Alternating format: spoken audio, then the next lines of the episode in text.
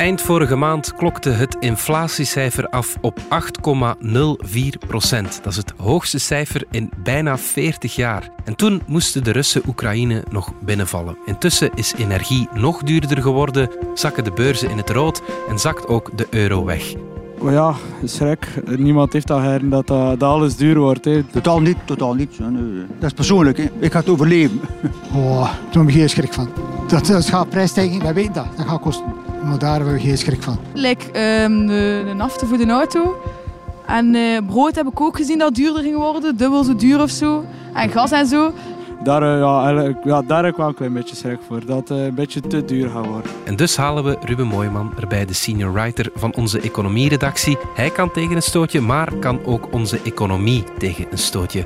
Het is donderdag 10 maart. Ik ben Alexander Lippenveld en dit is Vandaag, de dagelijkse podcast van De Standaard.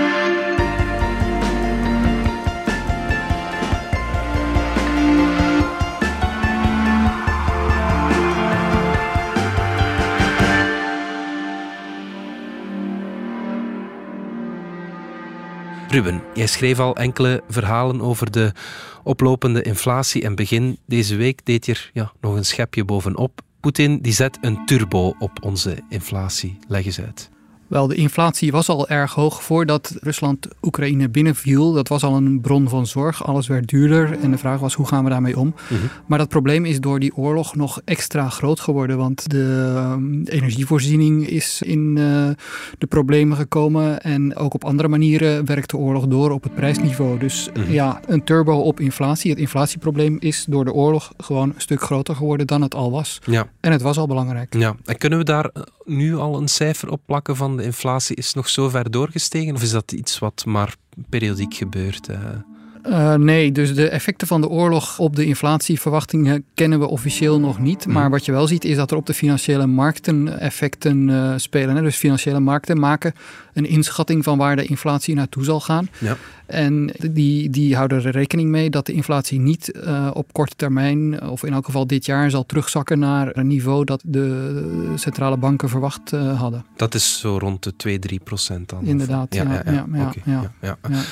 In de jaren 70 van de vorige eeuw waren we te afhankelijk van de olieproducerende landen. Toen de prijzen te sterk stegen, net zoals dat nu gebeurt, voerden we een autoloze zondag in. Is dat een idee om dat opnieuw te doen? Wat mij betreft is dat uh, zeker een idee. Een uh, dagje zonder auto is altijd uh, aangenaam. Dat is waar. um, maar toen was het echt wel een reactie die nodig was, omdat er echt heel grote problemen waren met de olieaanvoer. De vraag is of het zover zal komen dit keer. Die, die vergelijkingen met de jaren 70 slaan eerder op een ander gegeven. Namelijk dat je nu, net zoals toen, een combinatie hebt van oplopende inflatie en afnemende groei. Ja. Dat is wel een bron van zorg van veel economen, uh, omdat dat een situatie is die economen eigenlijk ja, niet graag uh, zien gebeuren. Ja. Want puur theoretisch, inflatie is wel een drijfveer voor groei, hè? Normaal, in normale economische omstandigheden. Ja, dat klopt. Inflatie gaat vaak samen met groei. Um, het, het, wordt uh, opgewekt door groei en het veroorzaakt ook uh, groei. En mensen gaan sneller dingen kopen als ze weten dat die in de toekomst uh, duurder worden. Mhm. Dus in die zin is het een, een tamelijk uitzonderlijke situatie dat een oplopende inflatie samengaat met een afnemende groei. Ja, en ook dat kind heeft een naam, stagflatie. Inderdaad, dat is een, ja. zeer berucht woord in Ja. economische Ja. Kringen. Stagflatie is uh, een, een zeer ongewenste uh, toestand. En inderdaad, er wordt nu, het, het, woord stagflatie is terug, laat ik het zo zeggen. Dus Ja. de stagflatie is er nog niet, maar er wordt wel over gesproken. Uh, Mhm. iedereen maakt zijn inschatting van hoe reëel is het dat we daar weer naartoe gaan. Ja, even nog over die oorzaken van die hoge inflatie. Energie is wel een belangrijke factor in ons productieproces ook natuurlijk. Als je iets wil maken, of nu een brood is, of een fiets, of een computer, je hebt energie nodig, gas, olie, om die dingen te maken. Ik zou denken, energie wordt duurder, dan wordt alles duurder. Is dat nu ook zo? Ja, dat klopt. Inderdaad, uh, die energieprijzen werken op allerlei mogelijke manieren door in het uh, prijsniveau van heel veel producten en, en zelfs van diensten. Hè. Je, ja, alle producten moeten getransporteerd worden. Om transport mogelijk te maken heb je energie nodig. Ja. Je hebt ook uh, energie nodig om brood te bakken, om uh, fabrieken te laten draaien. Dus uh, dat, dat werkt op allerlei manieren door. En zelfs, het gaat nog verder, want de gasprijs is nu heel hoog. Mhm. Dat heeft bijvoorbeeld ook invloed op de prijs van kunstmest, omdat daarvoor gas een, gewoon een grondstof is. Dus kunstmest, Ah ja. voor de productie van kunstmest heb je gas nodig. En dus in de landbouw zitten ze nu een beetje angstig te kijken naar de situatie, omdat ja, als kunstmest duurder wordt, dan gaan de productiekosten van voedingsgewassen omhoog. Ja, en op een eh, bepaald moment zullen we dat in de, in de winkel zien eh, aan het prijskaartje. Ja, het is niet alleen de energie, maar er zijn ook andere grondstoffen waarop de oorlog een impact heeft. Hè? Inderdaad, Rusland is een grote producent van gas en olie, maar ook van allerlei andere materialen. Eh, diamant is bijvoorbeeld al uh, ter sprake gekomen, maar ook nikkel, palladium, aluminium. Uh, we zagen nu deze week dat de nikkelprijs ineens gigantisch de hoogte inschoot. Mhm. Uit vrees voor productietekorten die het gevolg zouden kunnen zijn van die oorlogssituatie. Ja. Iets als eh, plastic, Mhm. dat wordt gemaakt van aardolie. Als aardolie duurder is, ja, dan eh, stijgen de productiekosten van dat materiaal. Nu, ik denk niet dat dat nu zo heel erg veel invloed zal hebben op de inflatie, omdat dat natuurlijk dat is een verpakkingsmateriaal dat maar licht doorweegt in de totale prijs van ons consumptiepatroon. Mhm. Maar goed, je ziet wel dat die stijgende mm, prijzen van energiegrondstoffen op alle mogelijke manieren doorwerken. Ja. Mhm, mhm. Het Westen neemt een heleboel sancties tegen Rusland omwille van de oorlog, ook Europa natuurlijk. U hoort commissievoorzitter Ursula von der Leyen. The three waves of sanctions we introduced are already having an impact on the Russian economy and therefore Putin's war effort. And we will take additional steps if the situation deteriorates on the ground. At the same time, we are preparing in case of retaliation. In particular, we are working to diversify our energy supplies. We discussed it. We are indeed increasing our supplies of LNG gas to ensure that we have enough through this heating season. And we're doubling down on renewables, which are the smartest and the cleanest solution to create independence from Russian energy sources. We need to get independent from Russian gas, oil, and coal. Ja, Ruben, we wisten natuurlijk wel dat die sancties niet enkel Rusland, maar ook onszelf pijn zouden doen. Hè? Ja, dat klopt. Als je natuurlijk het Westen afsnijdt van uh, Rusland in economische zin, dan heeft dat uh, effecten, uh, economische effecten, die niet alleen voor Rusland nadelig zijn, maar ook voor ons. dus die energieprijzen zijn daar het meest zichtbare gevolg van die stijgen. Maar ja, ook andere zaken die we uit Rusland halen, ook indirect. Hè. Dus bijvoorbeeld wij halen geen graan uit Rusland, maar als de graanprijs internationaal stijgt, zullen wij dat ook merken. Hmm. Dus inderdaad, de sancties hebben zeker ook een effect op, uh, op onze eigen economie. Maar dat is de prijs die we dan bereid zijn te betalen mm-hmm. om Poetin uh, een lesje te leren. Ja. Je ziet ook dat wij in sommige opzichten wat voorzichtiger zijn met sancties dan Amerika. Dus bijvoorbeeld president Biden heeft nu gezegd dat hij geen olie meer importeert uit Rusland. Today I'm announcing the United States is targeting the main artery of Russia's economy. We're banning all imports of Russian oil and gas and energy. That means Russian oil will no longer be acceptable at US ports and the American people will deal another powerful blow to Putin's war machine.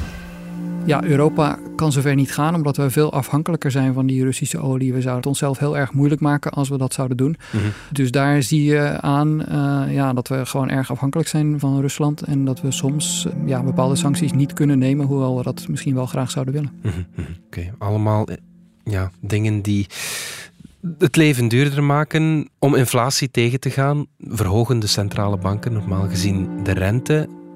Is dat wat ze nu ook gaan doen? Dat is de grote vraag. Mhm. Um, vandaag komt de ECB bijeen om uh, zich over die vraag te buigen.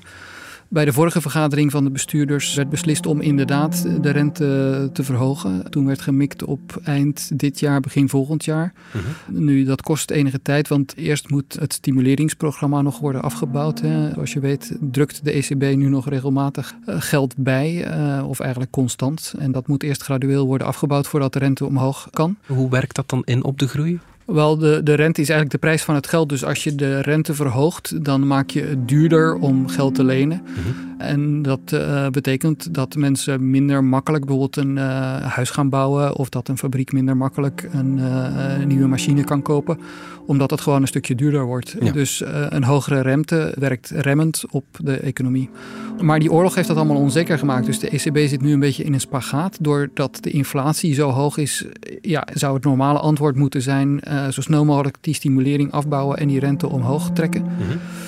Maar het risico is dan dat die groei, die nu dus ook in gevaar komt, nog verder wordt afgeremd. Dus ja, het is een dilemma die voor de ECB heel uh, lastig is. Trouwens, niet alleen voor de ECB, ook voor andere centrale banken.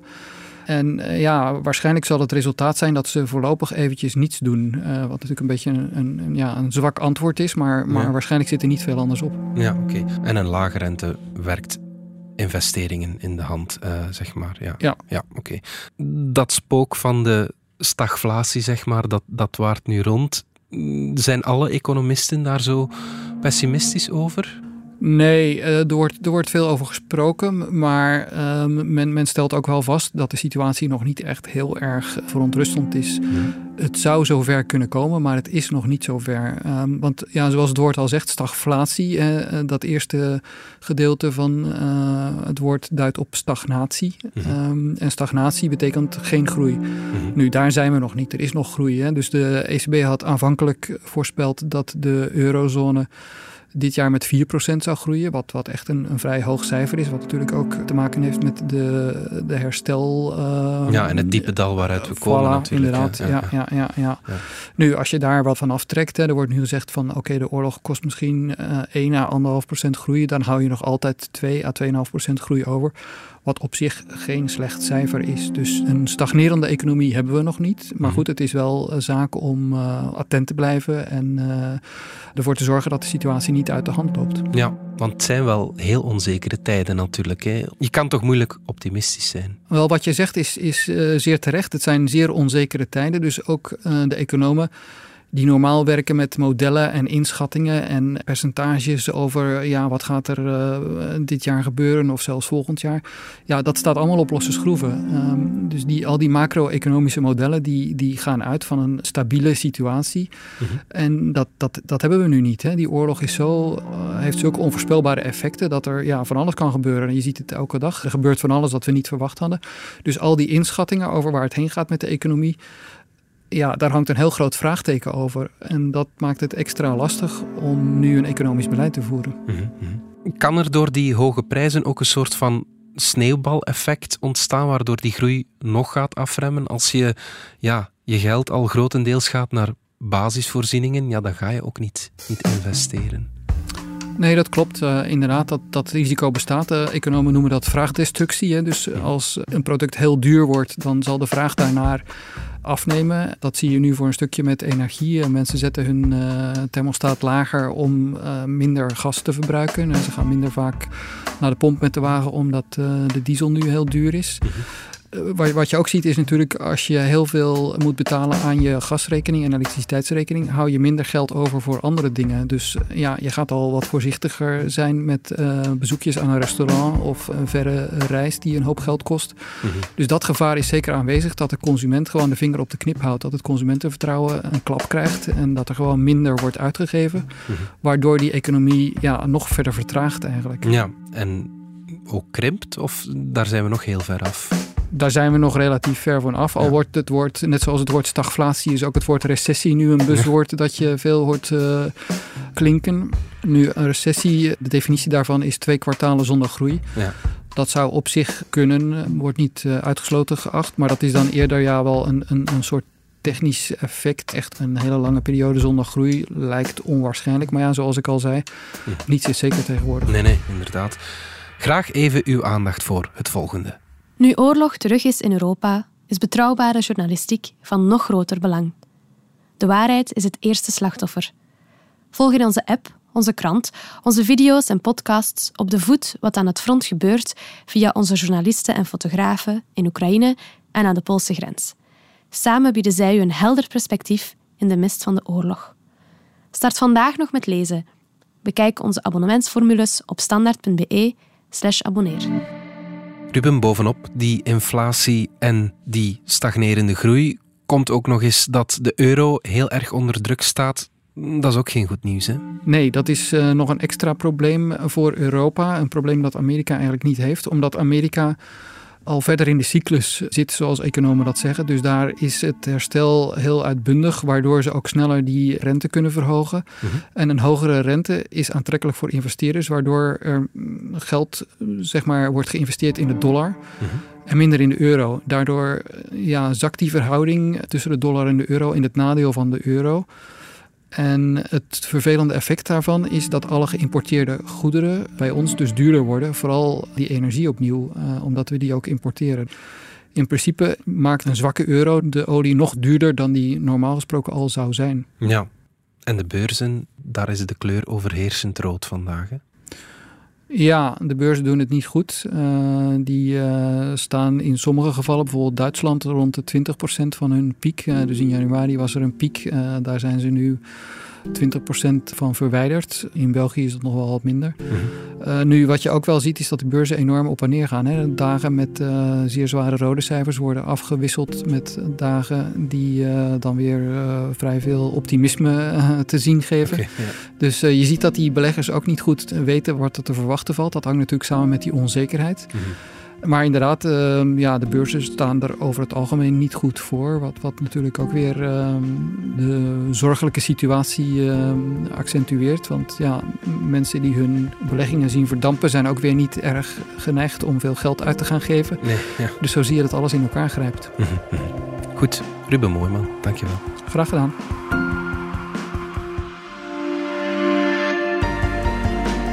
Dit was vandaag de dagelijkse podcast van de Standaard. Bedankt voor het luisteren. Ken je trouwens DS Podcast al, de podcast-app van de Standaard? Daar luister je niet alleen naar onze journalistieke reeksen, je krijgt ook elke week een eigenhandige selectie van de beste nieuwe podcasts op de markt. Alle credits van de podcast die je net hoorde vind je op standaard.be-podcast. Reageren kan via podcast.standaard.be. Morgen zijn we opnieuw.